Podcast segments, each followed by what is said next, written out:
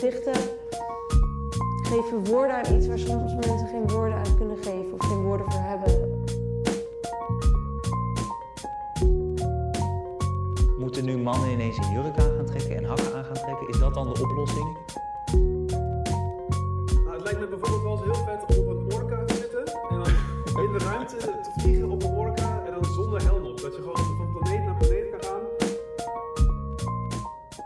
Hadi beste luisteraars, welkom bij Jong op de Tong, een podcast van de Nationale Jeugdraad.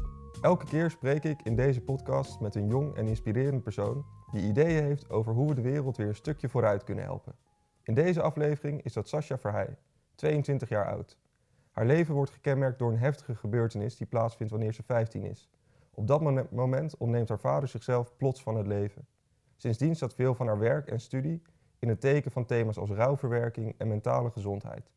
Ze schrijft er gedichten en muziek over. Ze helpt andere jongeren met rouwverwerking bij de stichting Troost voor Tranen. En geeft op scholen les over mentale gezondheid voor het maatschappelijk bureau Diversion. Sascha, heel erg fijn dat je er bent hier. Bij ons op de gele bank bij de NJR. Ehm, een aflevering duurt altijd grofweg een half uurtje en vertrouw me, dat vliegt er doorheen. Dus ik begin eh, altijd snel met een hele persoonlijke vraag om je zo snel mogelijk te leren kennen. Dus ik ben heel erg benieuwd, wat vind jij zelf nu het allerbelangrijkste wat mensen van jou moeten weten als ze jou een beetje willen kennen als persoon? Ehm, dat ik ehm, heel, ik oog heel serieus, maar stiekem ben ik echt heel erg van de droge humor. Ik denk dat soort van. ehm, Je bent bang dat mensen je te snel te serieus nemen? ja, of, eh, meer gewoon omdat ik me. Ik, ik behoud me wel. Waar ik hou- heel erg van hou, is wel diepgang, filosoferen, filosoferende gesprekken. mhm. En eh, dat het echt over iets moet gaan. Maar dat het niet altijd zo hoeft te zijn. Ik ben ook dus heel erg van het eh, echt humor, lekker sarcastisch. Dus dat, ja. Dus je bent eigenlijk ook wel een beetje van het, van het lichte en eh, Ja. van een beetje het ontspannen. Ja, Dat is wel, voelt er ergens een soort van spanning met waar het gesprek hier over gaat. Dat Ja. juist rouwverwerking is en Ja. mentale gezondheid, dat best wel zware onderwerpen zijn. ja, dat staat inderdaad misschien weer een beetje in contrast mee. Maar het is ook weer een manier om eh er juist mee om te gaan. Om het ook soms licht te nemen. En eh, ja. Is het ook Ook niet lastig? Dat je, want je bent in heel veel van je werk en je studie ben je eigenlijk ehm, super erg bezig met nou, hele zware Ja. onderwerpen. En dan word je ook telkens eh, herinnerd aan je vader, kan ik me voorstellen. Is dat Mhm. niet zwaar dat je dan zoveel daarmee bezig bent? En, Ja, ja, die vraag krijg ik wel vaker. Van waarom hou je daar mee bezig? Het is toch al zwaar genoeg dat je dat hebt meegemaakt. Waarom ga je niet anders studeren of eh, weet ik het wat. Maar ehm, ja, zeker is het wel... ehm, nou, het is niet zo zwaar, omdat het voor mij al zo'n werkelijkheid is. Ik ben al sinds mijn vijftiende daarmee soort van... Heb ik daarmee leren leven. Dus, eh, en ook met studie, dan, is het, ja, dan ben je meer wetenschappelijk bezig. Dus dan worden toch afstandelijker. Dus ik ervaar het niet per se als zwaar. En, eh, en ik vind het juist een kracht dus om daar wel iets mee te gaan doen. Omdat ik dus die ervaring heb meegemaakt. En daar ehm, ook door heb geleerd wat ik heb gemist. Of eh, wat ik beter kan. Of wa- wat er juist voor behoefte ligt. Eh, dus ja, het is juist... Ja, klinkt misschien cliché, maar mijn, mijn kracht, denk ik. Ehm, dus, dus om door dat dus wel, daar dus wel mee bezig te blijven zijn. Want was dat ook een bewuste keuze bijvoorbeeld om humanistiek te gaan studeren, wat heel erg gaat over zingeving, Mhm. en, eh, wat dan een super beladen onderwerp is voor jou? Ja, ja, ik. ehm, dat was inderdaad een bewuste keuze. Want ik had zoiets van ja, ehm daar zijn we toch allemaal mee bezig. En, eh, ehm, want ja, je wordt, als je wordt geconfronteerd met de dood, dan, dan komt alles zo. Ja, is alles zo klein of zo'n soort van. Oké, dan. In ieder geval, ik kreeg een heel ander perspectief op het leven. En ehm, dat ik zoiets van ja. Wat ga ik dan nu doen met mijn leven? En niet dat ik se fatalistisch ben van oh, we gaan toch allemaal dood. Eh, ik ga niks eh, meer doen of eh, het heeft allemaal geen zin. Maar het voelde voor mij niet goed om, ik weet niet, de techniek of zo in te gaan. Of nee, ik had, omdat het me zo dagelijks ook mee bezig hou, ik hou me ermee bezig. Ik kan er niet omheen. Dus waarom ga ik het dan niet ook gebruiken? Geval, zo voelde het voor mij. Dus vandaar dat ik uiteindelijk die stap zette van mystiek. Waar heel erg de ruimte was om inderdaad na te denken over de zin van het leven.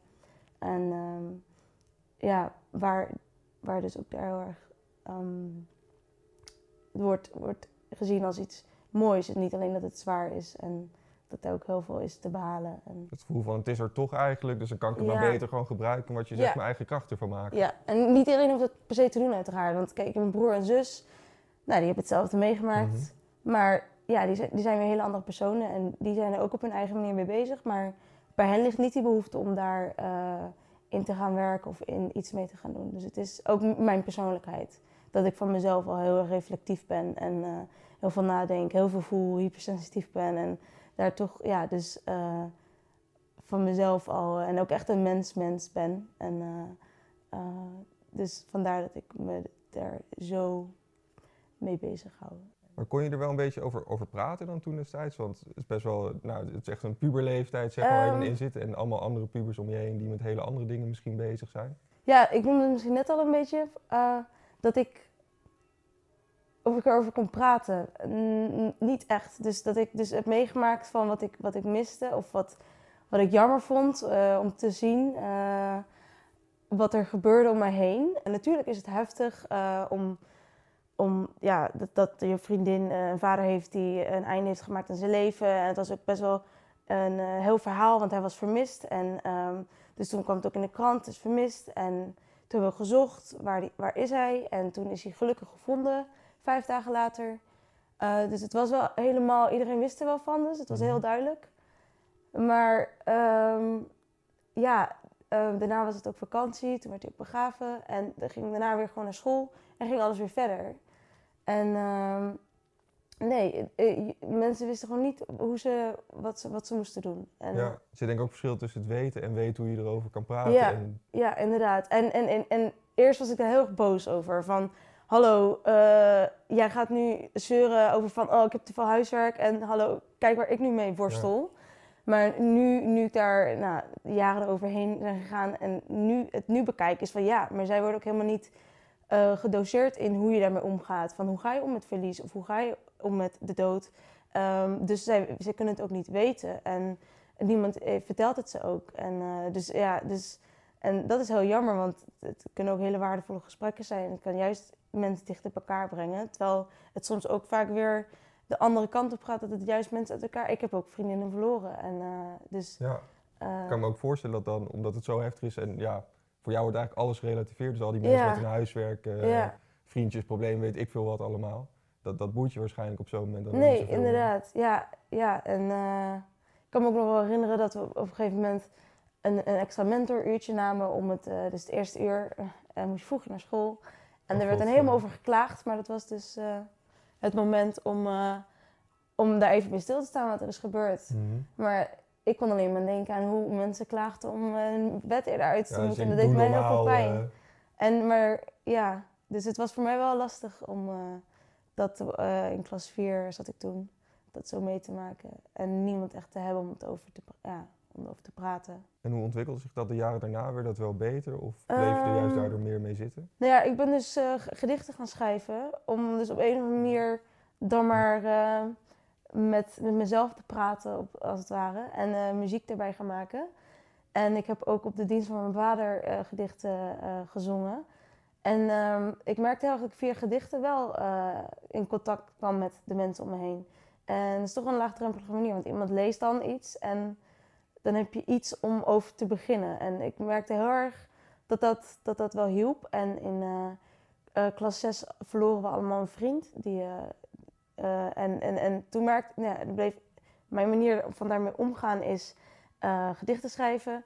En toen merkte ik heel erg dat iedereen dat heel graag wilde lezen. En dat ze er heel veel aan hadden. En dat er dus wel behoefte is om het er wel over te hebben. Maar dat er gewoon onkunde is eh, ehm, om jou daarmee om te gaan. Misschien, want toevallig eh, schrijf ik zelf ook wel een beetje gedichten. En misschien is het ook mooi dat je daar er iets moois dan van kan maken. Ja. Of zo, een vorm waarvan je denkt van, hé, hey, dit, Ja.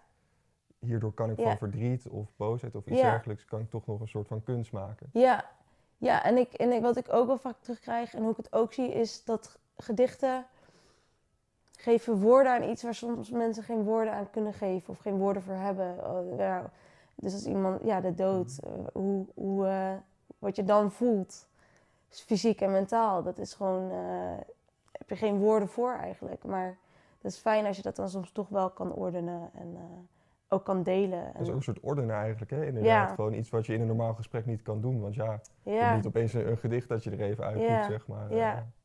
ja, inderdaad. Ja, dus het, werd wel steeds beter. En, en toen is humanistiek, nou, toen was het paradijs. Want daar is iedereen bezig Ik kan met. het zeggen, maar daar praat Met, iedereen heel erg met over ja. gevoelens juist. Ja, ja inderdaad. Ehm, dat vond ik juist wel fijn, had ik juist heel veel behoefte aan. Ehm, dat is een soort opluchting dan ook in die zin, dat je van die middelbare school afkwam waar het dus wat moeilijker was om erover te praten. En dat je opeens in een wereld kwam waar het heel open besproken kon worden. Ja, ja, inderdaad. Het was wel een eh, soort van. eh, ja, het voelde heel fijn als een warm bad. Eh, en ehm, en ik, ik kom dus uit Friesland en eh, daar, daar is iedereen. Ja, ik wil niet generaliseren, maar toch een beetje het gevoel van een cultuur van geslotenheid, nuchter en eh, lekker hard werken en eh, ja, praten over gevoelens. mm. En nu kan ik dus in Utrecht en hier studeren, is iedereen sowieso iets vrijer daarin. En de studie zelf zo gericht op wel dus durf te praten over eh, ehm, levensvragen. En, ehm, dus voor mij was het, omdat ik zelf als persoon daar erg mee bezig ben, eh, heel fijn om dan dus ook mensen te ontmoeten die daar ook mee bezig zijn. En wat dat laat zien, denk ik, is dat dus je omgeving ook best wel uitmaakt in de mate eh, waarin je prettig rouw kan verwerken. Is dat ook iets wat je nu in je werk probeert te simuleren? Want je doet er dus heel erg veel mee. Ehm, hoe probeer je dat prettige klimaat nu te krijgen in nou, Nederland om eens te beginnen? Ehm, ja, door ehm, mensen daarover ehm, te informeren. Ik, ik denk dat er naast dat er een, een gebrek aan kennis is, wat, eh, maar ook ehm, wel een angst voor zoiets is, voor de dood. Je wordt toch wel, iemands dood herinnert je aan je eigen sterfelijkheid. En eh, wat ik heel erg zie, ook eh, door mijn scriptieonderzoek, mijn bachelorscriptieonderzoek, is dat onze samenleving is heel erg gericht op, op, op controle, eh maakbaarheidsideaal. Eh, je ziet het ook met de technologisering. En we willen, ja, de dood wordt echt gemedicaliseerd als in, we willen het zo lang mogelijk uitstellen dat iemand eh, overlijdt. Je gaat naar het ziekenhuis en ehm, dat ik heel erg merk van, dat, dat werkt heel erg in de hand om de dood op afstand te houden. En daar dus, daar dus nog, nog minder kennis van te hebben, omdat er dus niet over wordt gepraat en je krijgt er geen kennis over hoe daarmee om te gaan. En het is eigenlijk iets heel vreemds dat het zo eh, nu geïndividualiseerd is. eh, terwijl het vroeger echt een sociaal fenomeen was. Het was echt, je, de gemeenschap verloor iemand. En daar werd dus echt over gepraat. En dat was echt rituelen. En hier in Nederland, ja, hebben we natuurlijk nog wel de begrafenis. Maar ik mis heel erg dat, er, dat het soort van samen en eh, dat het echt wordt besproken. En ook met mensen die daar niet mee te maken krijgen.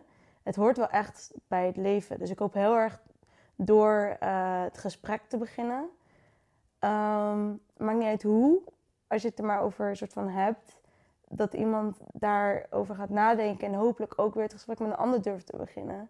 En dat je daardoor weer ja, het klimaat inderdaad eh, verbetert. Dat, dat, dat we niet zozeer meer gericht zijn op, op steeds alles willen controleren. Want het dood laat heel erg zien dat niet alles is te controleren.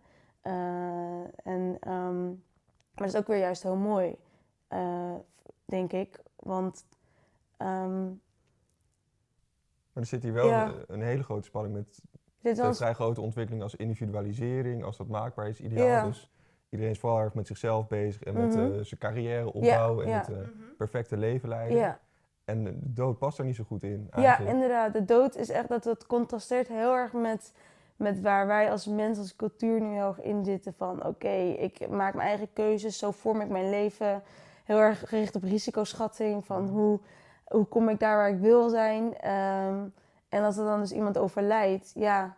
Maar ik vind het heel gek, want wat ik dus heel erg merk, ook wel in kunst en in boeken, daar wordt de dood niet echt tegenover het leven gezet, maar dat, dat er wordt laten zien dat het inherent is aan elkaar. De dood hoort bij het leven. Ik zeg ook altijd soort van het leven zou het leven niet zijn als er niet een, een, een, een einde is of als de dood er niet is. Het hoort bij elkaar. En de dood is niet alleen een breukervaring, heb ik gemerkt. Van, oh, ik ben nu echt mijn vader kwijt.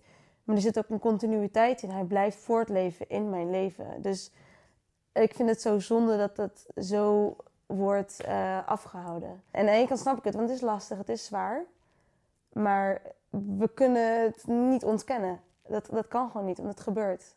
Mensen overlijden en mensen zijn Ja, heb je echt het dat het echt ontkend wordt, dat mensen er gewoon, Ehm, nou, niet per eh, se. schilden zeg maar op. Ja, en, eh, niet per se echt ontkennen, ehm, maar meer sub- subtiel ontkennen. Dus dat het gesprek er niet is, of dat iemand niet daarover eh, praat, of ehm, dat, ehm, ja, als, als het dan ter sprake komt van, eh, heb jij eh, ouders, of, of weet ik het wat, wat doen je ouders? En dan noem je het, en dan, oh, oké. En dan gaat het gesprek weer ergens anders over van, en dan denk je, Vooral ja... niet te, te lang bij stilstaan. Ja, door, en door, niet door. dat je het altijd over moet hebben, alsjeblieft zeg. Dat is hartstikke vermoeiend. Maar gewoon dat die ruimte er is, vind ik wel belangrijk. Dat mensen weten van, je mag het daarover hebben. Over rouw en over mentale gezondheid. Dat is wat ik heel erg graag in mijn werk wil doen. Dus die taboes doorbreken. En hopelijk een klimaat creëren waarbij mensen voelen van... Er is ruimte die ik mag innemen. En het hoeft niet. Als ik naar mijn broer en zus kijk, nou, die houden helemaal niet van praten. En ik hoef het er niet over te hebben. Oké, dat is jullie manier. Maar dat je wel weet van, oké, er is een ruimte. Ik mag het over hebben. Ik ben niet gek als ik nu... Ik word niet gezien als een last of eh, dat ik zo'n zwaar persoon ben. Nee, want het, dat is heel menselijk. Het is echt heel menselijk. Dus waarom ontkennen we zoiets menselijk van onszelf? Dat vind ik heel frappant, zeg maar. Ja. Ja, dus wat je toch wel heel erg ziet in Nederland, mensen zitten echt heel erg in hun eigen kop. En ik ben er wel heel erg benieuwd hoe je mensen eruit krijgt. Hoe je mensen zover Ja. krijgt om de ruimte te geven aan andere mensen als ze die nodig hebben. Of zelf Ja. die ruimte te pakken om over mentale gezondheid of over de dood te Ja. praten. Heel praktisch gezien ben ik nu dus met Diversion eh, en Mind. Het is, we doen het samen, twee organisaties. Echt op scholen komen we in de klas het gesprek beginnen over mentale gezondheid. En afgelopen week was ik ook weer op een school in Rotterdam. En ik merk wel van, oh, heel veel gezucht als ik, als ik begin met... Oh, nou, we gaan het vandaag hebben over psychische gezondheid. Jee. En, ehm, maar uiteindelijk, gaandeweg, merk je heel erg van dat ze, dat ze echt interesse in hebben. Wat ik daar te, niet zozeer wat ik te vertellen heb, maar dat ik daar een, iets, hen iets bied van.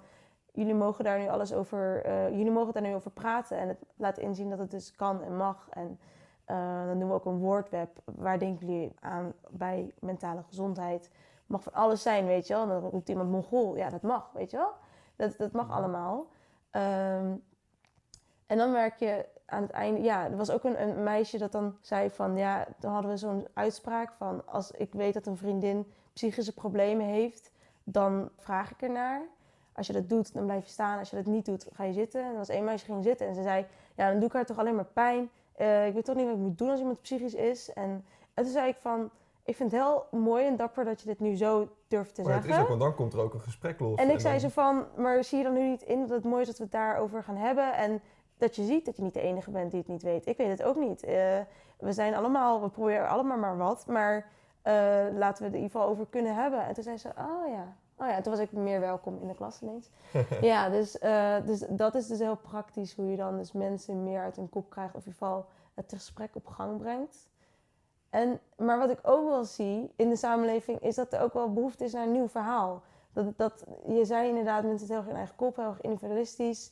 Meritocratie-idee, je bepaalt je eigen plek op de ladder.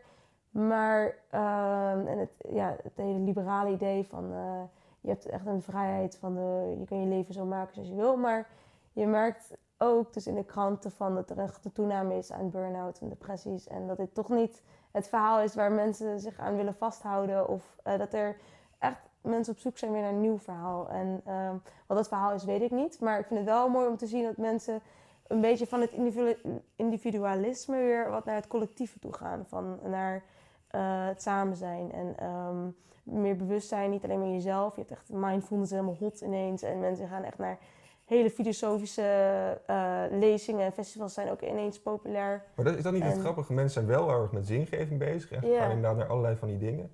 Maar doen het soms ook wel heel erg voor zichzelf, is een beetje mijn ja, dat- ja. ja dat is... Ja, Dus ik twijfel een beetje of, Ja. of dat, dat wel zeg maar naar het collectieve toe is of zo. Ik vind het Ja. wel heel erg goed dat mensen ermee bezig zijn. Maar ik twijfel soms een beetje of ze niet nog steeds heel erg juist met zichzelf bezig zijn. Ehm, inderdaad. Ehm goede observatie. Ehm, dat vind ik wel ja, dat lastig hoe je inderdaad dat, dat collectieve. Ik denk de, de, de problemen waar wij als samenleving mee te maken krijgen, toch wel weer het collectieve stimuleert. Ehm, eh, zoals het klimaatprobleem of eh, vluchtelingenprobleem. Maar dat, dat is waar ik natuurlijk wel hoog af waar ik het nu over heb. Maar het is wel een soort cultuur eh, wat je hoopt, of een houding wat je een beetje hoopt te veranderen. Dat mensen solidariteit en dat dat allemaal wat meer weer eh, ehm, wordt ehm, ja, gestimuleerd en wordt ontwikkeld. Want solidariteit is denk ik één ding, maar is ook een ander ding niet een stukje, hoe zou ik het zeggen, ontspannenheid, zeg maar. Want je had het net ook erg over het verhaal van, ehm, je bepaalt zelf je plek op je ladder. Als jij succesvol bent, dan ligt dat vooral aan jezelf en heb je het goed gedaan. Als je niet succesvol bent, Ja. ligt het ook dus aan jezelf. zo. En dat kan best wel eh, confronterend zijn, denk ik, voor Mhm. mensen. Dus is, eh, je had het, er moet een nieuw verhaal komen. Is dat nieuwe verhaal dan ook een beetje dat het leven gewoon loopt zoals het loopt en dat, Ja, ja, wat ik dus dat heel... dat meer accepteren? Ja, ja, wat ik heel leerzaam vind dus aan de dood, is van, oh, oké, ja, eh, ik kan niet alles plannen en eh, alle risico's vermijden. En het, het loopt allemaal zoals het loopt. En, ehm, en juist door tegenslagen, door dalen, ehm, ga je steeds meer de mooie kanten en mooie momenten ehm, appreciëren en voelen ja, van het leven. Dus inderdaad, het, is ook heel fijn, heel relativerend werkt het ook. Van, oh inderdaad een beetje ont- ontspannen. Dat ik had, dat ik heel erg van, oh, nou, toen dat gebeurde, eh, van mijn vader van, oh, oké. Ehm, nou, voor mijn gevoel werd ik toen heel erg van, nou, dan zie ik wel hoe het loopt. En eh, dus, eh, want ik was eerst ook heel erg perfectionistisch en alles moest perfect en helemaal plannen, maar dat, dat, dat kon ik, ja, dat kon ik toen loslaten. En dat hele streven naar controle, dat is eigenlijk heel dus tegenstrijdig. Als je kijkt naar hoe weinig controle je eigenlijk hebt. Het zou fijn zijn als mensen daar dus inderdaad een wat meer chillere houding Ja. in eh, kunnen hebben. Ja. Ja, je hebt het nu heel erg over controle en dat het, ja, ik denk dat het klopt dat volgens mij mensen daar veel te veel op gefocust zijn en dat nou, waarschijnlijk daardoor ook mensen bijvoorbeeld burn-outs krijgen en andere mentale gezondheidsklachten. Ik zat te denken, is het ook niet zo, tenminste wat ik altijd denk, dat mentale gezondheid wordt heel erg anders benaderd dan bijvoorbeeld fysieke gezondheid. Ja. Als jij ehm, last hebt van je knie Mhm, of van iets anders, dan zeggen mensen gelijk van, oh ga naar de dokter joh, ga Mhm. naar de huisarts en laten checken. mhm. Terwijl bij mentale gezondheid dan zeggen mensen juist als eerst van, nou je moet niet zo klagen en Ja. eh, Ja. morgen gaat het wel weer beter Ja. of zo hè. Ja, dat is inderdaad waar ik ook eh, veel over nadenk en heb nagedacht. Ehm, en wat je nu zegt, eh, was heel erg de aanleiding van een interactieve installatie dat ik samen met een vriendin en nog een andere vriendin, twee vriendinnen heb eh, gebouwd. Was voor haar een afstudeerproject. Namelijk de perceptie van fysieke gezondheid en mentale gezondheid, hoe dat zo verschilt van elkaar. Als iemand inderdaad een gebroken been heeft, is het van, oh, gaat het? En dan is het heel makkelijk dat gesprek. Of, ja, ga naar de dokter. En waarbij iemand zegt van, ja, ik voel me echt al weken down en ik zie het allemaal niet meer zitten. En dan, dan is het soort van, of er wordt overheen gepraat, of het is, ja, kom, we gaan shoppen en is het weer goed, of we gaan dit doen. Zie je daar toch meer, eh, dat er meer moeite in is. En ehm, het is eigenlijk heel gek, want vroeger dan gingen mensen bij fysieke gezondheid van, dan ging je naar de dokter. En als je mentaal, eh, met je mentale gezondheid, dan ging je naar de filosoof. Eh, was het veel meer open bij beide fysiek en mentaal. Mis ik dus ook heel erg nu. En wat we probeerden met die interactieve installatie was op een laagdrempelige manier eh, via iets, iets ruimtelijks de mens ehm, laten reflecteren over zijn mentale gezondheid. En mentale gezondheid betekent niet per se dat je, dat je al ziek bent. Nee, het gaat over weerbaarheid, veerkracht, eh, hoe je reflecteert, of je congruent bent met wat er innerlijk in omgaat en hoe je dan weer handelt en doet wat jouw gedrag is. En die interactieve installatie is een, een chamber waarin je inloopt en dan krijg je vragen ge- eh, gesteld. En dan kan je met een muntje jouw antwoord geven. En we hebben expres wel antwoorden al klaarstaan, omdat we dan aan de buitenkant kan je, kan je dan zien wat mensen antwoorden. En waarom we dat wilden is ehm, dat je gelijk resultaat ziet. En dat je dan daar daarna omheen loopt en dan ziet van, oh, ik ben niet de enige die eh, dit zo heeft of die dat heeft.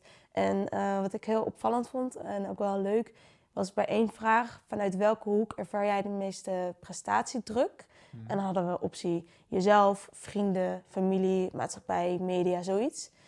En het hele vakje eh, van jezelf was vol. Het was echt van, wow, oké. En natuurlijk is het een beetje een combinatie van, ja, misschien heb je de druk van de maatschappij als Dat is het jezelf maar het is wel denken. uiteindelijk waar het eerste, ja. Dus dat vond ik En dat mensen er ook echt in gesprek over gingen. En inderdaad, dat er dus nu niet overheen werd gepraat. Eh, en ehm, dus door zoiets eh, fysieks te gebruiken, eh, start je dat gesprek. En wat we ook daarnaast hebben gedaan waren t-shirts met illustraties die een bepaalde mentale eh, toestand eh, weergeven.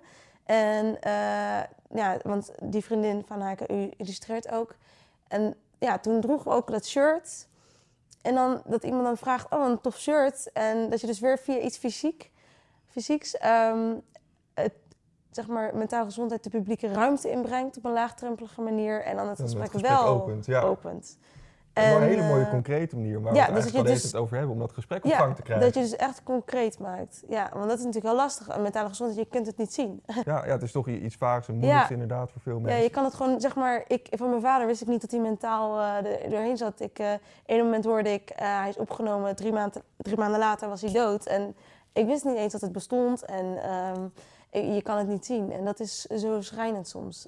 Want er gaan gewoon mensen, ja, die overlijden eraan of die, ehm, die zouden zo beter geholpen kunnen worden als er ruimte en meer, ja, meer ademruimte is daarvoor. Ja, want dat zorgt dan misschien dus ook weer voor de mensen sneller naar eh, de dokter, zoals die vroeger Ja, naar de filosoof gaan. ja, En eh, dat ook Ja. problemen niet uit de hand hoeven te lopen, Ja, het was heel erg gericht op preventief, eh, di- dit kunstwerk. Maar ook ehm, die lessen van Diversion is echt gericht op preventief in plaats van puinruimen. Ja, voor mij super belangrijk, want het is hetzelfde als jij heel lang op een gebroken been blijft rondlopen. Dat Ja. is tamelijk slecht lijkt Ja. En eigenlijk voor mentale gezondheid geldt natuurlijk hetzelfde. Inderdaad, ja. Ik vind het ook wel erg mooi hoe in die installatie van jou volgens mij de twee dingen terugkomen. Eh, precies waar jij het over had eerder. Dus wel dat collectivisme van je gaat er samen over praten dan. Doordat je het ziet. En heel erg dat maakbaarheidsdenken wat er zo erg bij mensen in zit, maar wat gewoon niet helemaal logisch is. Ja, Doordat ze allemaal zien van hé, hey, ja, ik leg mezelf het meeste Ja. druk op. ja, inderdaad. Ehm, want we hebben dus dat je daar binnen is, ben je in je eentje. Dat is echt individueel even reflecteren. En daarbuiten dan is er de ruimte om dus gezamenlijk het erover te hebben, wat er net is gebeurd. En we hebben toen ook bij ehm, de eindexpositie van HKU eh, mensen gevraagd op reacties. En eh een man vertelde van eh, toen hij erin stond, hij zei zo ja, het voelde heel fijn van wow, ik mag hier even over nadenken. Ik ga hier ook over na, ik ga hierover antwoorden. Hij vond het heel fijn om die vragen aan zichzelf te stellen en daar antwoord op te geven, de tijd voor te nemen en daar daarna ook in gesprek over te mogen gaan. En ehm, dat vond ik heel mooi van er is dus heel erg een behoefte aan iets wat toch nog vaak niet wordt gedaan of waar ruimte voor wordt geboden. Ja, je creëert letterlijk fysiek ruimte Ja. met zo'n installatie natuurlijk Ja. om dat gesprek aan te gaan. Ja. En denk je ook dat als we ons allemaal wat meer bewust worden van mentale gezondheid en daar wat meer mee bezig gaan zijn, dat we ook heel veel andere problemen kunnen oplossen? Ehm, Zie je een groter potentieel, zeg maar, is een beetje de vraag. Eh, even denken. Ja. Ja, ik zie als, als mentale gezondheid. Niet, opgelost is niet het, het, het juiste woord. Want er zijn ook mensen die. Die zijn al. e- Zeg maar, het is echt een heel breed spectrum. Het is Maar- niet altijd op te lossen. Nee, het is niet altijd op te lossen, nee. Maar kijk, voor de, de, de, de normale... Of nou, normaal is ook niet het juiste woord... want ik wil natuurlijk ook niet iemand weer uitsluiten. Maar zoiets als, als, als, als weerbaarheid, veerkracht... nadenken over wat er in je kopje omgaat, hoe je je voelt... Als, als dat wordt gecultiveerd en, eh, en mensen dus ook meer, meer eh, compassie eh, naar zichzelf hebben... en ruimte hebben om te reflecteren. Dat, dat dan de omgang ook met elkaar, voor mijn gevoel, wat meer ontspannen wordt. En niet zo'n rat race is waar we nu heel erg in zitten van... ik moet heel erg presteren en dit en dat. En oké, eigenlijk is het allemaal te veel, maar nee, ik ga toch door. Dat, ehm, ehm, dat je dat voor bent. Dat dus iemand daar dus niet, niet mentaal ziek wordt. Eh, en daarnaast is het ook een bepaalde vaardigheid dat voor mijn gevoel ook heel erg waardevol is voor allemaal andere problemen, hoe je ermee omgaat. Dat je leert hoe, om na te denken en moeilijke vragen durft te stellen en te antwoorden. En ook eerlijk te zijn naar jezelf en naar de ander. Ehm, dus op die manier zie ik het ook als iets groters, denk ik. Dus eigenlijk, het grappige is misschien ook wel dat juist als we wat meer rust nemen, reflecteren en Ja. ontspannen met elkaar erover praten, kunnen we misschien juist wel beter presteren uiteindelijk. Ja. eh.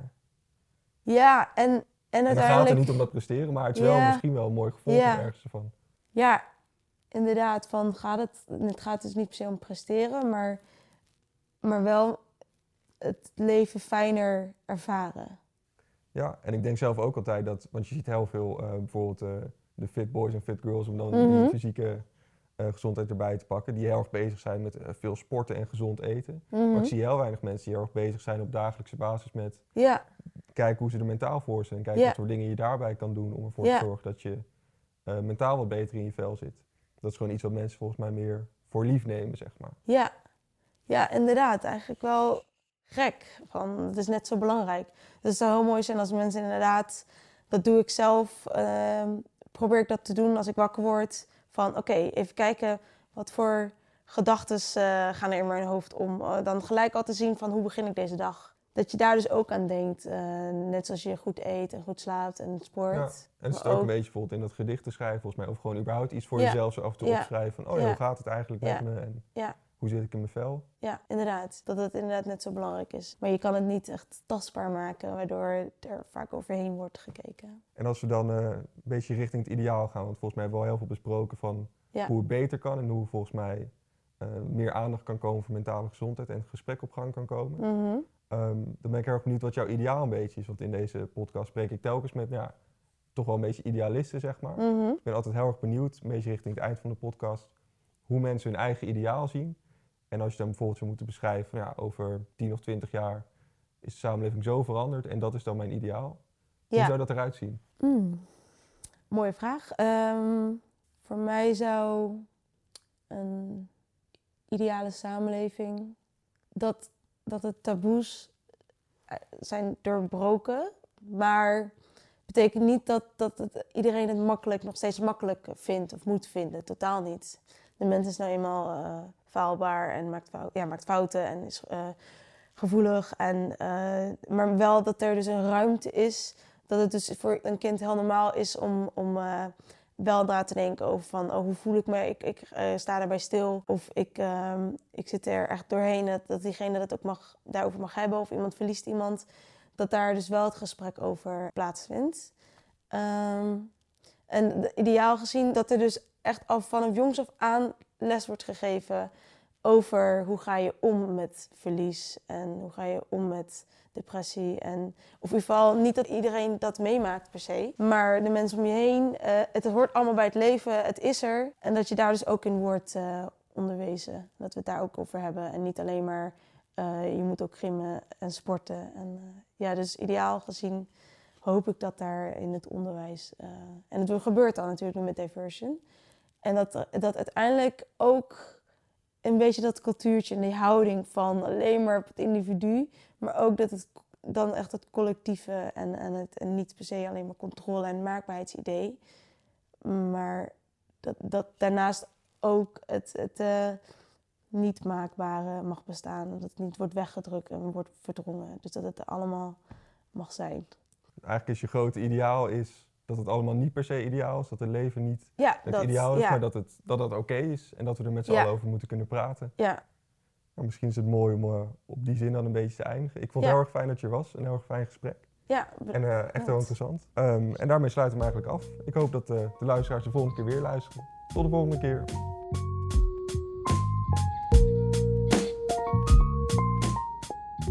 Ben je benieuwd naar de weerbaarheidstraining van Sascha? Kom dan in januari naar NJR.